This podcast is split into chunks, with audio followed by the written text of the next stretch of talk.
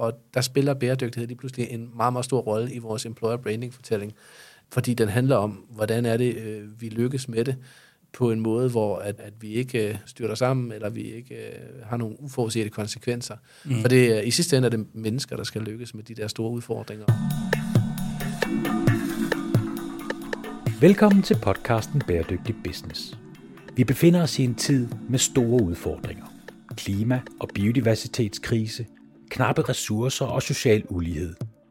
Men i Bæredygtig Business ligger vi idealismen på hylden og undersøger, hvilken rolle verdens virksomheder vil spille i omstillingen til et bæredygtigt samfund. De globale udfordringer kan nemlig ikke løses af velgørenhed og filantropi alene. Hvis vi skal afværge den nuværende kurs mod katastrofe, så skal vi lave bæredygtighed til sund forretning. Mit navn er Steffen Max jeg er forfatter og foredragsholder og har arbejdet med bæredygtighed de sidste 10 år. Jeg taler med førende eksperter og undersøger, om der er penge i at tage et socialt og miljømæssigt ansvar. Hans Ube Ebbesen. Jeg øh, bestrider lige nu en stilling som øh, Head of Global Employer Branding øh, hos Mærsk, som går ud på at positionere Mærsk som en attraktiv arbejdsgiver globalt, med alt, hvad dertil hører, så at sige. Så har jeg tidligere arbejdet med diversitetsagendaen, bygget den op, og også dykket dybt på den digitale front i forhold til øh, talentagendaen, og i særdeleshed det der med at rekruttere og positionere virksomheder eksternt. Sidst jeg talte med dig, der var du jo faktisk lige stoppet i Novo Nordisk, og du skulle til at være selvstændig ud og arbejde med employer branding. Og der tænkte jeg, det der, det er spændende, det skal jeg snakke med nogle flere om.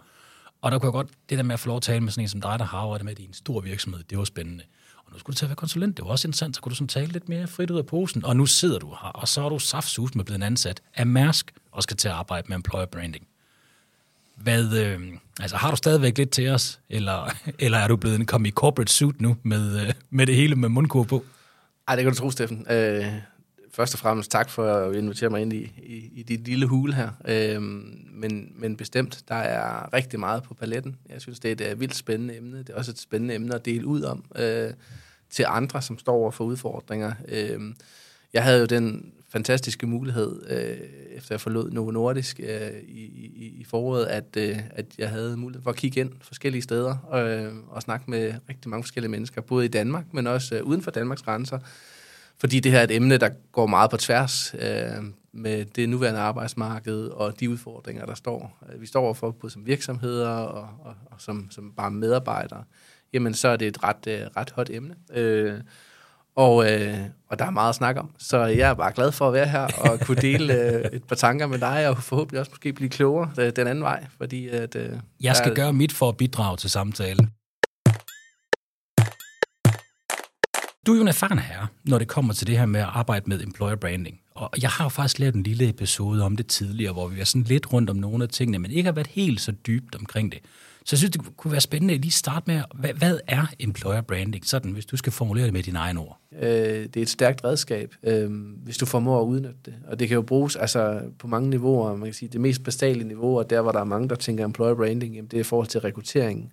Det er, at vi skal have nogle øh, folk ind i bæksten, øh, vi skal have nogle gode jobopslag, og så, vi skal se godt ud, osv. osv. Og det er selvfølgelig vigtigt, øh, men, men, men i sine grad øh, er der flere og flere, der også arbejder med det i forhold til deres øh, people-agenda. Altså øh, HR-funktionen får en helt anden tyngde, en strategisk vigtighed i forhold til, at det er mennesker, vi snakker om, og employer branding bliver udtrykket, øh, vi arbejder med i forhold til, hvad det er, vi står for. Og så er der i virkeligheden også et, et niveau, som jeg tror kommer mere og mere, og det er den her jeg vil sige, sammensmeltning af agendaer. Øh, jeg tror, bæredygtighedsagendaen bliver en platform, øh, eller det er en platform, sådan så jeg ser det, og øh, vi skal snakke mere om mennesker, øh, når vi snakker bæredygtighed, og, og, og der spiller bæredygtighed lige pludselig en meget, meget stor rolle i vores employer branding fortælling, fordi den handler om, hvordan er det, øh, vi lykkes med det, på en måde, hvor at, at vi ikke øh, styrter sammen, eller vi ikke øh, har nogle uforudsete konsekvenser. Mm. For det i sidste ende er det mennesker, der skal lykkes med de der store udfordringer, og derfor skal skal employer brandet og grundfortælling omkring øh, arbejdspladsen og, og de vilkår, der skal gøre sig gældende, ligesom spille sammen med, med, med det større formål. Og i, i det arbejde, øh, jamen, der ligger der rigtig mange øh, indsatsområder. Øh, der ligger selvfølgelig både en kernefortælling øh, og nogle, sådan nogle touchpoints. Øh, hvor udkommer den kernefortælling henne? men den, den kernefortælling lever også i høj grad internt. Øh, så employer branding har både øh, som siger, formålet at, at øh, positionere en virksomhed øh, øh, hvad skal man sige, i forhold til en, en, en, en potentiel medarbejderskare, som man gerne vil engagere, men den har også en kæmpe rolle øh, internt til at fastholde medarbejdere og skabe en stolthed og ligesom øh, fuel the engine i forhold til, til det engagement, øh, folk går på arbejde og, og ligger øh, hver eneste dag. Jeg synes, det er ret interessant det her med den interne kommunikation, og i det hele taget det her med, hvordan man arbejder med sine medarbejdere. Og det tror jeg faktisk er lidt overset i mange virksomheder. Sandsynligvis ikke i de, i de største virksomheder, men i mange virksomheder er det nok lidt overset. Og det her med, at employer branding går på tværs, altså det er jo klart, det er jo alle medarbejderne, drejer sig om, men det er lidt det samme, der er kernen i, i bæredygtighedsarbejdet. Mm. Og det, der er interessant at tænke på, det er, at man skal ud og have fat i de her mange forskellige mennesker, der er ude i organisationen, og kan man samle dem og få deres energi til at så at sige gå i den samme retning, ja. jamen det har naturligvis nogle, nogle positive effekter på ens forretning. Altså man må antage, at folk bliver lidt mere motiveret og lidt mere målrettet. Mm. Men, men hvordan sådan i praksis? Fordi det lyder jo fint, når man ja. snakker om det her med, at man gerne vil have virksomheden til at se så godt ud for medarbejderne som muligt. Men her er det vigtigt at sige, at det er jo for de allerede eksisterende medarbejdere, men det er jo også for de medarbejdere, der endnu ikke er kommet ind i organisationen. Er det ikke rigtigt forstået? Det er fuldstændig rigtigt, og, og, og, og det kan hurtigt øh, blive opfattet som en eller anden øh, make-up-øvelse eller, eller sminkekur her, så, så det skal man jo skynde sig at sige, at, at, øh, at så kommer man galt i byen, hvis det er den indstilling, man har. Øh, men der, hvor det virkelig spiller en rolle, det er jo, når du får autenticiteten i spil. Altså øh, medarbejdere øh, jamen, er jo en kæmpe del af den her fortælling. Øh, og, og co-creation, som, som dybest set skal finde sted. Og øh, potentielle medarbejdere, jamen, øh, ja, de besøger vores website, ja, de ser vores historier, øh, men de tager i høj grad også bestik af deres netværk og de kontakter, de har i øh, den pågældende organisation, Øhm, og faktisk er tilliden af medarbejdere, potentielle medarbejdere imellem langt højere, end hvad vi fra HR kan skabe øh, på en eller anden kanal. Så når du spørger om, hvordan man gør det, eller hvordan man brækker det spil, jamen så er der jo tit sådan en eller anden øh, øh, stillingtagen til, at man må have sin topledelse med, og det skal man selvfølgelig også. Øh, der er et top, øh, top element i det i forhold til, at vi skal være skarpe på vores fortælling. Men der er også en høj grad af bottom-up, hvor det handler om at engagere medarbejderne i den øvelse og, og den mission, vi er på i forhold til at, at, at fortælle historien, og fortælle historien med øh, eksemplificeringer. Øh, hvad skal man sige? Altså, det handler mere om show and tell i, i virkeligheden, ikke? i forhold til at substantiere, når, du, når der er noget, du, du, du gerne vil pointere. Ja, og man kan vel også sige, hvis medarbejderne, hvis man kører en hardcore kampagne på employer branding, hvor man siger, kom og arbejd for os, det er simpelthen verdens bedste sted, ja. Og så de medarbejdere, der arbejder ude, de oplever trivselsundersøgelsen, den er bare fuldstændig igennem gulvet. Det ser frygteligt ud, og der er masser af sager, og det fungerer ikke ordentligt, og samarbejdsproblemer. Altså, medarbejderne er vel de første til at opdage, at der ikke er noget omkring det. Så der er vel en eller anden alignment der. Altså, hvad gør man, hvis man er sådan en som dig, der kommer ud i en virksomhed, hvor man kan se, at kulturen er simpelthen bare råden? Ja.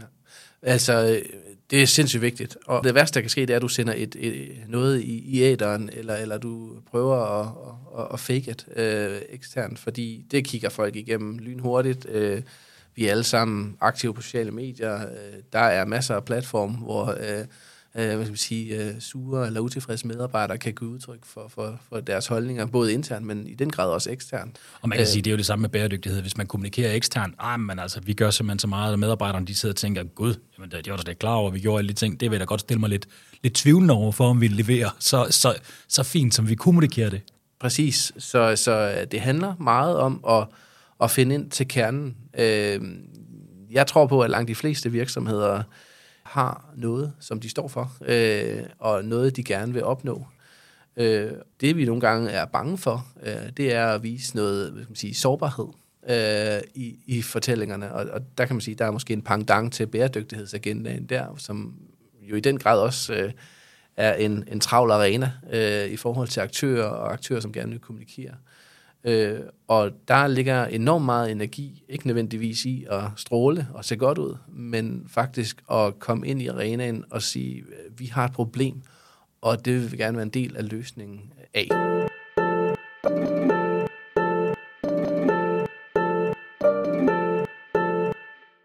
Det er meget inspirerende, når du siger det, for det ser man egentlig mange steder. Altså at øh, i bund og grund også, når man laver målsætninger inden for hardcore bæredygtighed i virksomhederne, at man sætter nogle målsætninger, det ikke er sikkert, man kan nå. Det er jo en ny øvelse at gå ud og sige, at vi, vi satser på noget, det vidderligt ikke er sikkert, man kan nå.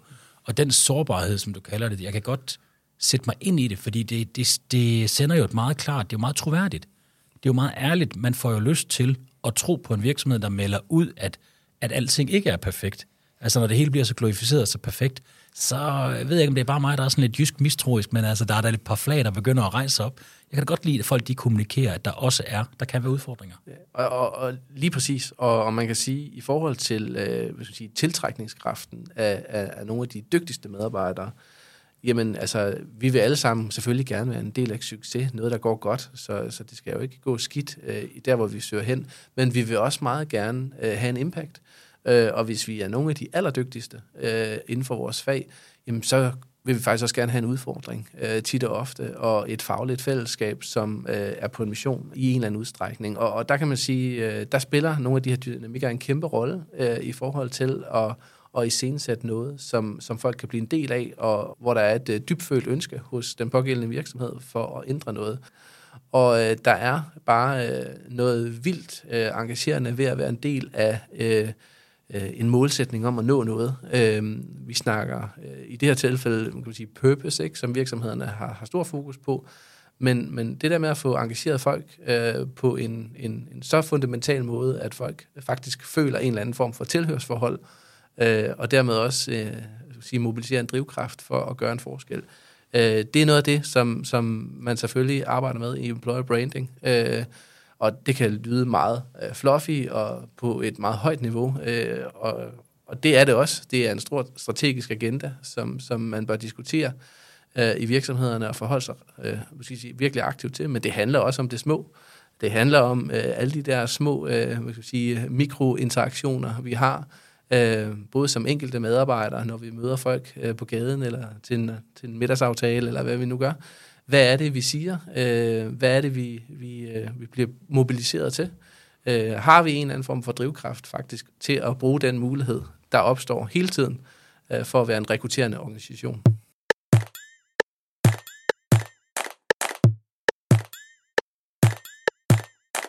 Hvis man nu tager den sådan helt ned i praksis, fordi det her det er jo altid nemt, når sådan nogen sidder, som dig og mig, vi sidder og kloger os på strategisk niveau. Når vi så bliver operationelle, så begynder ting nogle gange at blive lidt mere kompliceret.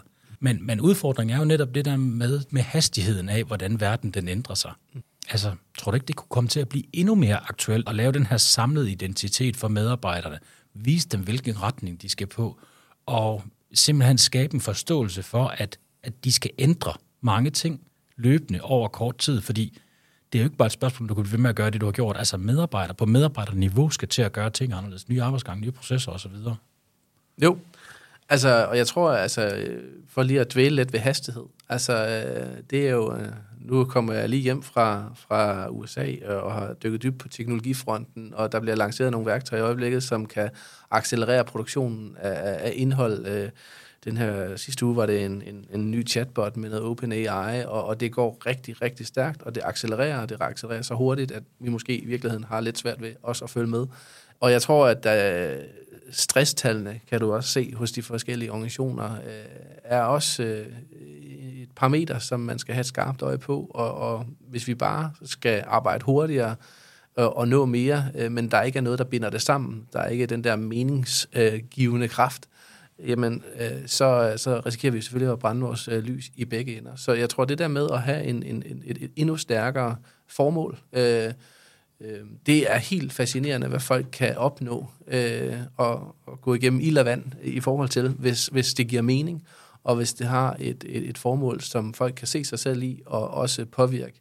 Så jeg tror, ja, øh, kommunikationen spiller en kæmpe rolle, øh, og så tror jeg, at, at bæredygtighed, jamen, det bliver jo på flere niveauer meget hurtigt, og det er det jo allerede. Ikke? Øh, vi, der er den traditionelle i forhold til, hvor vi har en, en hastighedsudfordring øh, i forhold til at skabe de forandringer, som vi skal i verden. Øh, men der er jo også bæredygtighed i forhold til, at det skal også være sjovt at gå på arbejde i morgen og i overmorgen. Og øh, hvis vi brænder vores lys i begge ender, jamen, så får vi nogle skader, som er svære at rette op på, som har nogle afledte konsekvenser. Så, så den bæredygtige arbejdsplads... Øh, er et emne, som, som vi, rigtig, er vi nødt til at tage rigtig alvorligt også. Jeg synes, det er utrolig interessant det her, når du sidder og fortæller om det her med, øh, altså med, med, hvad det er for en type virksomhed, hvor den er inde og, og løse nogle større problemer, og hvor det er, at, at folk de holder sammen, og de arbejder i samme retning. Altså i en employer branding strategi, eller en, øh, en hvad hedder sådan, en kampagne, hvis det er det, det hedder. Altså det vil jeg da virkelig synes var interessant, hvis det var et sted, jeg skulle arbejde. Og jeg tror, der er mange, der har det sådan. Jeg kunne da sagtens forestille mig, at der er mange derude, det viser undersøgelser også, at de er stærkt bekymrede for, hvordan verden den udvikler sig. Og hvis man netop får mulighed for at være med på holdet og arbejde for en virksomhed, der gør noget ved det, hvor man har nogle gode kollegaer, men også får en ordentlig løn og gode arbejdsforhold, hvad man ellers skal have, altså, der må der virkelig være noget at tage fat på der. Altså, men hvordan går man i gang med det arbejde? Det er en rigtig god, øh, god betragtning, og der er forskel på en stor virksomhed og en, en lille virksomhed. Øh, men der er også mange paralleller øh, og, og mange ting, man, man, man i virkeligheden kan lære af hinanden i den sammenhæng. Jeg tror også, det er vigtigt at, at forstå, at store virksomheder tit består af et hav af subkulturer. Øh, og det kender de fleste sikkert fra, fra deres arbejdsplads. Der behøver en virksomhed måske ikke i virkeligheden at være ret stor, før det begynder at opstå subkultur. Øh, og i den sammenhæng er det jo vigtigt også at have i mente, at vi går på arbejde af forskellige årsager. Øh, og vi er drevet af forskellige ting. Så, så du har helt ret. Altså, det, der kan lyde sammenhængende på toppen, jamen, øh, det bliver mere og mere komplekst, jo dybere man graver sig ned i det. Øh, rent praktisk øh, arbejder vi øh, inden for employer branding med, med jeg sige, en, en, lidt en, en todeling, at det er rigtig vigtigt at have en stærk kernefortælling, en, en employer value proposition, øh, som sådan et øh, almindeligt begreb inden for, det er jo for, for, for moderne dansk. Ikke? Ja, ja, præcis. Ikke? øh, men, men det der, den samlede kraft, fortælling om, om, om virksomheden, øh, hvad den står for, formålet øh, og så videre, det er noget, der udvikler sig rigtig meget. Men, men, men det er også rigtig vigtigt, udover at tage udgangspunkt i sin egen organisation øh, og den fortælling, og måske øh, vende den på hovedet og tage udgangspunkt i markedet, og tage udgangspunkt i de talentsegmenter, som man er efter. Og der snakker vi mere talent value propositions, altså øh, fortællinger til målrettede grupper, øh, som den pågældende virksomhed er interesseret i at, at engagere i en, en, en dialog eller en, en relationsskabende interaktion, som kan lede til, til, til samarbejder eller jobs eller så videre. Og der handler det jo om at finde ud af, jamen, hvad øh, foregår der nedenunder den store paraply i organisationen. Øh, man kan sige, der mange af de danske virksomheder, øh, som ikke nødvendigvis har tænkt på sig selv som, som teknologivirksomhed. Men faktum er bare, at, at data og teknologi øh, og, øh, siver ind alle steder, og, og det er en kæmpe enabler også til at nå de virksomhedsmæssige mål. Og der er det jo øh, en, en udfordring at komme ind og positionere sig i et marked, hvor der er nogle, nogle store spillere, traditionelt set øh, nogle teknologivirksomheder, som, som har, øh, skal sige, øh, er top of mind. Øh, men det, der er muligheden øh, for, som traditionel virksomhed, eller måske en virksomhed, som har bevæget sig en, en anden arena på branding-siden, det er jo at komme ind og så sige, men med jeres teknologiskills, altså med jeres talenter, kan I faktisk komme over og gøre en, en, en helt vild øh, forskel for os. Okay, så man er faktisk inde, kan man sige, at, at sælge budskabet, eller i hvert fald tale med, med den kommende medarbejder måske, og sige, øh, er det den kommende medarbejder, du tænker? Ja, altså her der tænker jeg meget altså, i forhold til, hvem er det øh, fra et strategisk perspektiv, vi skal, vi skal rekruttere. Ikke? Øh, og der kan du sige, hvad er det, der trækker dem i forhold til der arbejdsplads, og hvad er det, vi kan tilbyde de segmenter. Så, så under kernefortællingen, som selvfølgelig spiller en rolle i, i de fleste sammenhænge, jamen, der ligger der også nogle fortællinger eller nogle dialoger omkring, øh, hvad skal vi sige, det er mere nørdet i forhold til, hvad kan vi tilbyde dig som, som, som software engineer, eller øh, hvilken faglighed du nu måtte repræsentere. Ikke? Og, jo, det giver da rigtig god mening. Sjovt, nu siger du ingeniør. Jeg sad lige og tænkte på ingeniør. Ikke? Det er jo virkelig noget, der er en mangelvare. Så kunne man gå ud til dem og sige, ved du hvad, med de evner, du har, og du kommer over i den her virksomhed, vi har her, så har du faktisk mulighed for at lave en kæmpe forskel. Jeg har læst flere af de her undersøgelser, som altid siger noget i retningen af, at øh, folk de forlader ikke et job, de forlader en leder. Så lederens rolle må jo spille en kæmpe øh, rolle i forhold til medarbejdere og deres lyst til at arbejde et sted. Hvad tænker du om det? Jamen, jamen helt sikkert. Øh, det, ja, der er jo mange fortællinger omkring øh, ledere, og jeg skal starte med at sende et uh, stort shout-out til alle de fantastiske, dygtige ledere, som også har navigeret i de her tider, de senere par år, som, som har været under stort pres. Altså lederrollen er jo, er jo uh, hvad skal man sige, uh, den, den kurv, hvor man bliver ved med at kaste uh, utallige uh, ting ned i, som skal løses, og der er en masse forventninger og krav til, til lederrollen. Man kan i hvert fald sige, at alle dem, der har beskrevet sig selv som omstillingsparate, ja. de har haft mulighed for at bevise det igennem de sidste par det, år. Det må man sige, det må man sige, og du har helt ret i, altså lederen har jo en kæmpe påvirkning på den, på den enkelte medarbejder, øh, og, øh, og i den sammenhæng handler det jo også om at, at, at have den autenticitet øh, på plads øh, hos lederen. Der er rigtig mange spændende diskussioner i diverse HR-funktioner i øjeblikket omkring øh, fremtidens lederskab. Øh, hvad er lederskabet? Øh, hvad er det, vi skal kultivere hos den enkelte? Øh, vi kan jo ikke, øh, hvad skal man sige, skabe kloner, og det skal vi heller ikke. Det handler om at finde den, det autentiske selv, og, og, og så blive bedre til at bruge det i, i, en, i en dagligdag, øh, som, som er stadig udfordret i forhold til, hvor medarbejderen befinder sig henne, hvad medarbejderen er drevet af, og, og så videre, og så videre. Så, så lederrollen øh, spiller en, en, en kæmpe opgave, øh, og har stor indflydelse på, på, på måden, vi arbejder på, selvfølgelig. Jeg synes, at ledelse er utrolig interessant i forhold til sådan noget. Jeg skal faktisk lave en, en podcast også omkring øh, regenerativ ledelse, som jo så er et, et nyt ord, der taler ind i hele det her ledelsesunivers omkring bæredygtighed og ledelse.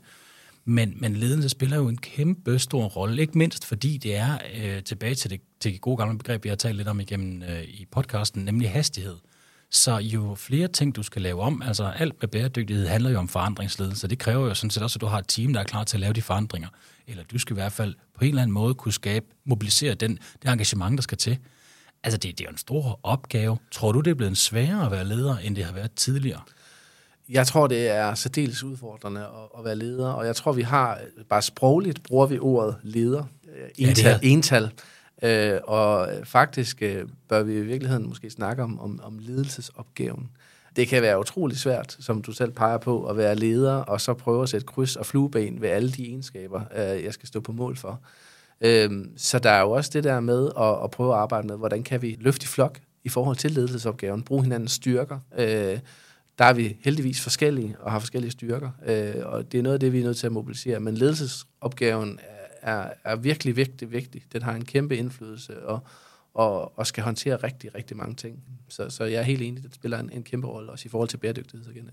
Det er jo sjovt, det er tilbage til det her med at vise sårbarhed, som du jo talte om i forhold til, til virksomheden udad til, men det handler jo også om at vise sårbarhed i forhold til menneskerne i organisationen, og vise, hvad man kan og hvad man ikke kan. 100 procent, og jeg, jeg vil sige, noget af det, vi arbejder rigtig meget med, er jo også hele empatibegrebet, og så sige, men altså, vi står over for at skulle lave nogle forandringer, og vi er nødt til at, at, at kunne føle hinanden. Vi er nødt til at kunne føle øh, det, vi skal, skal rejse mod. Kan man sige noget om, hvad der får medarbejdere til at flytte øh, arbejdspladser? Nu snakker vi lidt om ledelse før, og vi har snakket lidt om, om sense of belonging, altså at man føler, at man hører til et sted. Men kan man sige sådan mere, altså uden nødvendigvis det er en prioriteret liste med, med procenter på, men hvad er det for nogle ting, der gør, at medarbejdere de, de bliver draget af en virksomhed? Det, øh, det er svært at generalisere fuldstændig, fordi som sagt er vi jo drevet af forskellige ting. Jeg synes, der er sket rigtig mange spændende ting over de sidste par år. Øh, først der hed det, hvad var det, The Great Resignation, den store opsigelse. Øh, så prøvede vi at grave lidt i data og blev klogere, og så blev det uh, måske... Quiet Quitting kom uh, Quiet Quitting og The Great Reshuffle. Uh, jeg tror måske også, uh, der var nogen, der kaldte det The Great Reflection. Uh, og det er nok det, jeg måske har koblet mig mest på i forhold til, når der sker så store omvæltninger i ens liv, jamen, så er det jo nok meget naturligt for de fleste af os at, at stoppe op og, og tænke over, hvad, hvad foregår der. Uh, og så har talentmarkedet været et sted, hvor der var mange muligheder. Så det var ret hurtigt at, skifte, skifte job. Man kan sige, at uh, pilen peger lidt i en anden retning i øjeblikket i forhold til, hvad skal man sige, al den turbulens, øh, vi ser i verden. Og der er selvfølgelig nogle, nogle, uh, nogle tal, der peger på, at folk måske også hvad skal man sige, søger dække eller, eller shelter lidt i, mm. i forhold til deres arbejdsgiver, kvæg den usikkerhed, vi er i. Når man sådan tænker på... Øh bæredygtighedsagenda er jo relativt bred, og i forhold til, til employer branding, altså det her med rummelighed er jo et, et nøglebegreb i forhold til at få mange mennesker til at fungere sammen, eller få mennesker til at fungere sammen. Kunne du forestille dig, at nogle af de her øh, agendaer, som der er nu på D&I, øh, Diversity and Inclusion, eller på klima, eller på biodiversitet, som, som simpelthen kan dele vandene, hvor nogen synes, at jamen, nu, nu må det simpelthen stoppe. Det skal vi ikke gå op i nej, det må være nok, at vi bare fokuserer på det her. Nej, nu tager vi for meget hensyn. Nu bliver det... Altså, jeg mener, kunne man risikere, at alle de rigtige holdninger simpelthen kommer til og, og på et eller andet tidspunkt at give bagslag, så folk siger, ej, nu er det simpelthen nok. Så man jo faktisk har set lidt med, med den her woke movement, altså hvor det er, at den har fået lidt bagslag i forhold til, at det startede med at være noget, der handlede lidt om at have de rigtige meninger, men i høj grad også sympatisere med minoritetsgrupper, hvor nu bliver det også en latterligt gjort i andre sammenhænge. Altså, så nogle gange kan de der ESG, Environment Social Governance, komme lidt op og slås. Er det noget, du tænker over? Øh, det er i høj grad noget, øh, jeg tænker over. Altså, man skal jo være sine, sine handlinger ekstremt bevidst i øjeblikket, hvad, i forhold til også, hvad man siger. Der er også en stor øh, frygt, tror jeg, mange steder, i forhold til at gøre noget galt og sige noget, der ikke øh, rammer skiven, eller som kan blive øh, hijacket af nogle andre til og, og brugt i forhold til en anden agenda. Øhm, så, så det er er helt sikkert et, et, et fænomen, som, som, som findes, og som vi skal forholde os til. Øh, og det er jo der, hvor, hvor autenticiteten er, er så vigtig, og, og, og når man kan mærke det, der bliver fortalt, øh, og at det, det bundfælder sig et sted, jamen, så vil der altid måske være noget øh, opposition øh, på nogle emner. Øh, det er en del af at være en, en debatterende skal sige, øh, kultur, og jeg tror også, at virksomheder generelt set skal ture øh, Øh, tage diskussionen øh, på, på nogle øh, fronter, øh, fordi at, øh, at man måske også har, har holdt sig lidt i baggrunden, og, og der har man nok også noget at skulle have sagt. Øh, man ved noget om det, man laver noget om, øh, så på den måde er det også vigtigt, at, at man ligesom øh, træder frem og, og, og står på mål for, for sin faglighed og, og det, man rent faktisk ønsker at ændre. Men, men jeg mener mere, at den verden, vi har fået lavet lige nu, i bund og grund er så nem at manipulere, og mediernes interesse i at manipulere dem. Og der er så mange mennesker, som, altså som øh, så vi har det med at komme op og skændes med hinanden. Vi er, nogen kan godt lige at sige, at vi er meget krænkelsesparat, nogen af os, eller nogen er. Så, så det er jo svært at navigere rundt i det her. Altså, og derfor bliver det jo tit med virksomhederne sådan, at de bare står og har alle de rigtige holdninger så, så siger man de rigtige ting, så er der Pride, så siger du de rigtige ting, så er der COP15 biodiversitet, så siger du de rigtige ting.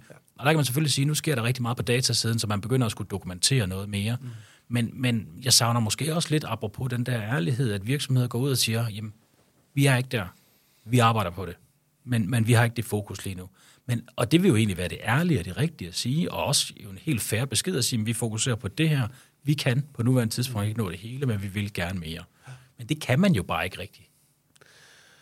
Nej, det er jo, det er jo tit, en, tit en balancegang. Du nævner sindssygt mange ting øh, i, i, i det spørgsmål. Øh, der er både det der med at, at, skal sige, at, at være, være menneske nu her, hvor hastigheden er så høje. Nu nævnte jeg selv teknologien tidligere, og øh, jeg er så heldig at have tre små øh, størrelser derhjemme, som man skal prøve at finde ud af at forklare jamen, hvad er det egentlig, det handler om? Og jeg tror, at efterhånden, altså skolen, jamen, du skal selvfølgelig lære noget, men, men med den hastighed, der er på teknologien, jamen, så får du så mange redskaber til at, at hvad skal sige, producere viden. Så det handler dybest set måske mere om at lære at, at være sammen, øh, og, og lære at omgås. Øh, og der tror jeg, at på øh, DNI-agendaen, som er en utrolig vigtig agenda for, at vi får bragt alle perspektiver i spil og får skabt innovation og udvikling, jamen der har der måske været rigtig meget fokus også på forskel, øh, og det der med øh, at inkludere øh, en majoritet, der skal inkludere en, en minoritet osv. osv. Og, der, og det er vigtigt, det er et vigtigt agenda, det er vigtigt for mig at slå fast, at, at jeg er en firm believer øh, i,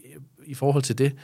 Øh, jeg er bare så glad for, at øh, vi også snakker øh, belonging øh, mere og mere, fordi at øh, det ligesom giver mulighed for alle, øh, og det er også lidt den samlende kraft øh, i den her agenda, netop øh, med det formål, at, at, at, at vi skal lykkes i fællesskab, og det er det fællesskab, der skal, skal bære igennem. Øh, men ja, vi ser en mere og mere differentieret verden. Medielandskabet er, er, er meget øh, omskifteligt, øh, og når vi sidder med employer branding og skal determinere, hvilke kanaler vi skal ud i, jamen, så bliver det også mere og mere komplekst.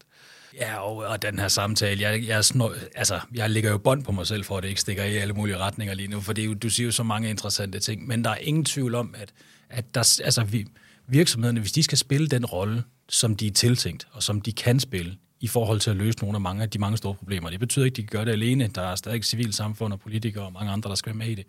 Men virksomheden har en kernerolle. Men hvis de skal lykkes med det, så skal de simpelthen lave et internt sammenhold i den organisation og få, få dem i den samme retning. Og det kræver altså, at man kan finde ud af det med hinanden. Og det kræver vel i høj grad noget stærk og tydelig ledelse inden for det her område. For ellers så kan man jo ikke drive den her agenda, når den bliver så fragmenteret, og så politiseret, så mange, altså det er så mange af de områder, man begynder at tage fat på i forhold til klima, diversitet og inklusion, så bliver man vel nødt til at have noget ledelse, der går ind og siger, jamen, Vi tror på, at det er sådan her. Ja, ledelse spiller en kæmpe rolle, og topledelsen spiller en kæmpe rolle.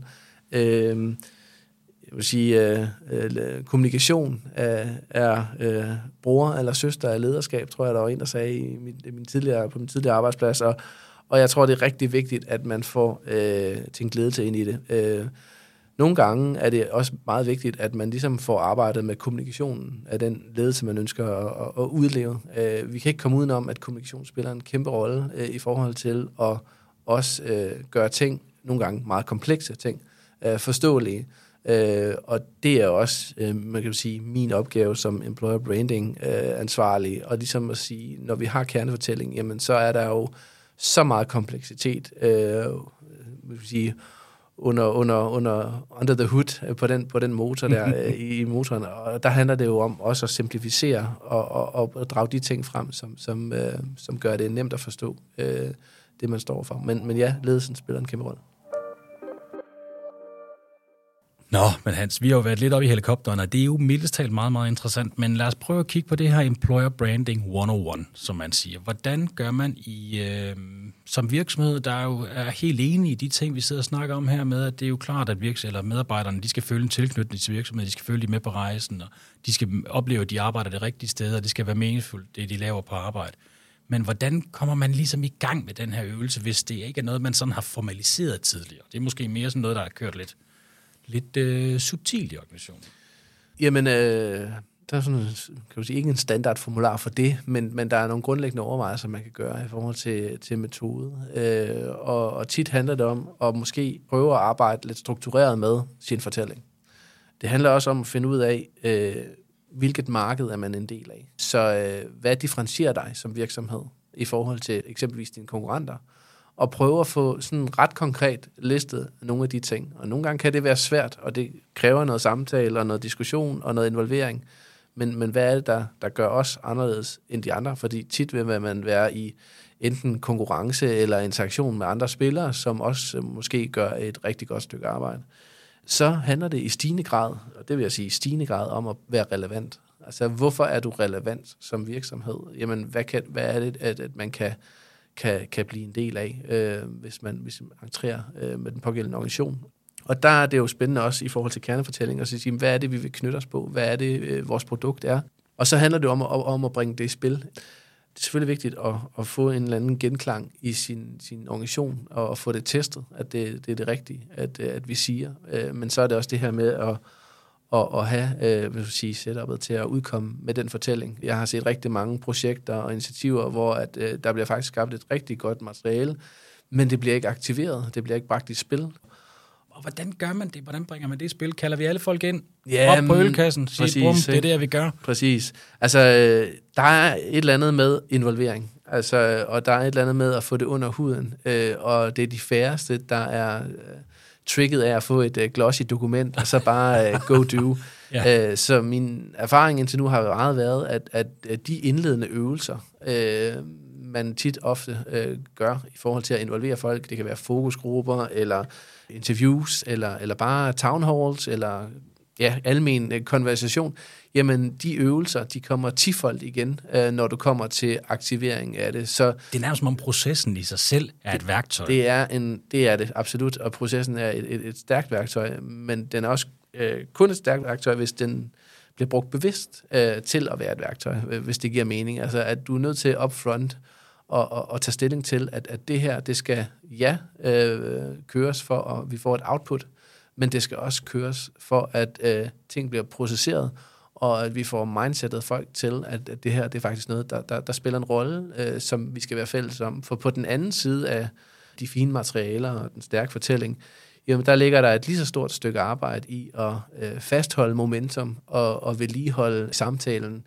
og forfine samtalen og forædle den og gøre den, øh, hvad skal man sige, nærværende og, og, og kontinuerligt relevant. Øh, så jeg plejer at tegne employer branding som et liggende 8-tal, øh, som, som fortsætter, øh, hvor der er mange, der godt kunne tænke sig, at det bare var en kampagne her nu, som man lige kan købe sig til i byen hos et frækt bureau.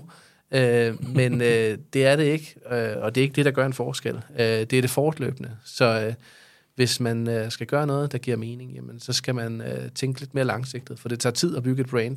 Men hvis man får startet rigtigt, så kan det være øh, rigtig effektfuldt. Kan man ikke sige, at der ligger rigtig meget arbejde i det foregående, inden man overhovedet går i gang med at tale med medarbejderne eksempelvis? Altså simpelthen få gjort sådan nogle ordentlige overvejelser omkring, hvad er det egentlig, vi er for en virksomhed, hvad er det for en kultur, vi har? Øh, og, og, sådan, altså, og nu kommer det til at lyde sådan lidt, lidt men er sådan helt jordnært, hvad er det egentlig for en virksomhed, vi har her? Hvordan er vi over for hinanden? Hvad er det, vi gerne vil? Og hvad er det, vi gerne vil?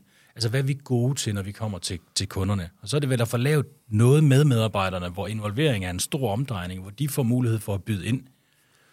Og så er det vel at bearbejde det her materiale, og så på en eller anden måde sørge for, at materialet bliver ved med at gå igen i virksomheden, så medarbejderne ser, at det lever, og de bliver ved med at chip ind til det.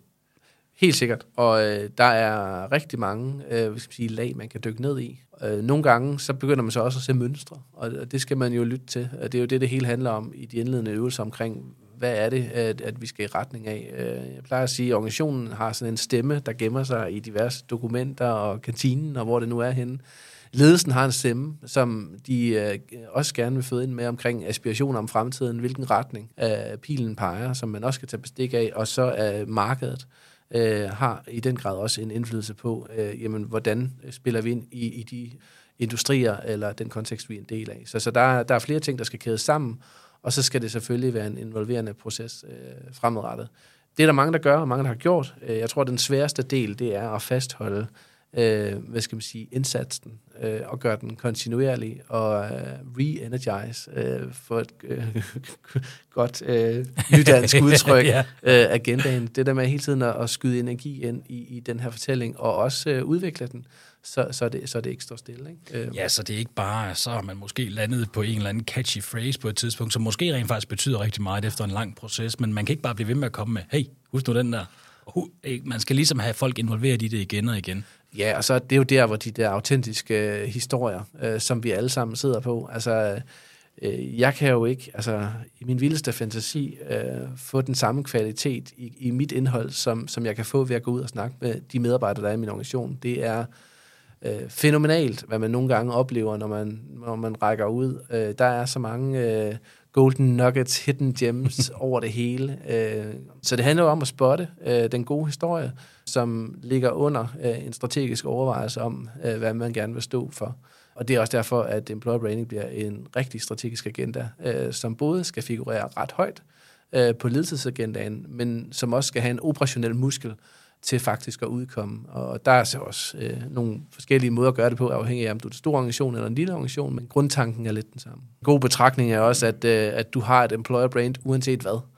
Uh, så spørgsmålet er bare, om, om du vil arbejde strategisk med det, om du vil styre det. Fordi at øh, alle øh, snakker med alle, øh, og virksomheder står for noget, uanset om de ønsker at stå for det eller ej. Så det der med at lade stå til, øh, jamen, det er også en strategi men ikke nødvendigvis den, der, der selvfølgelig uh, jeg vil sige, uh, fungerer bedst på lang sigt. Hans, tusind tak. Det var utrolig spændende at tale med dig. I lige måde, Steffen. Det var en fornøjelse. Du har lyttet til Bæredygtig Business. Mit navn er Steffen Marksø, og du er meget velkommen til at finde mig på LinkedIn, hvis du har idéer til emner, jeg skal tage op i podcasten. Ros og ris er også meget velkommen. Husk i øvrigt at abonnere på podcasten i din podcast-app, så får du automatisk besked, når der er nye episoder. Og hvis du giver os en god anmeldelse, så hjælper du med at sprede budskabet om bæredygtig business. Tak fordi du lyttede med.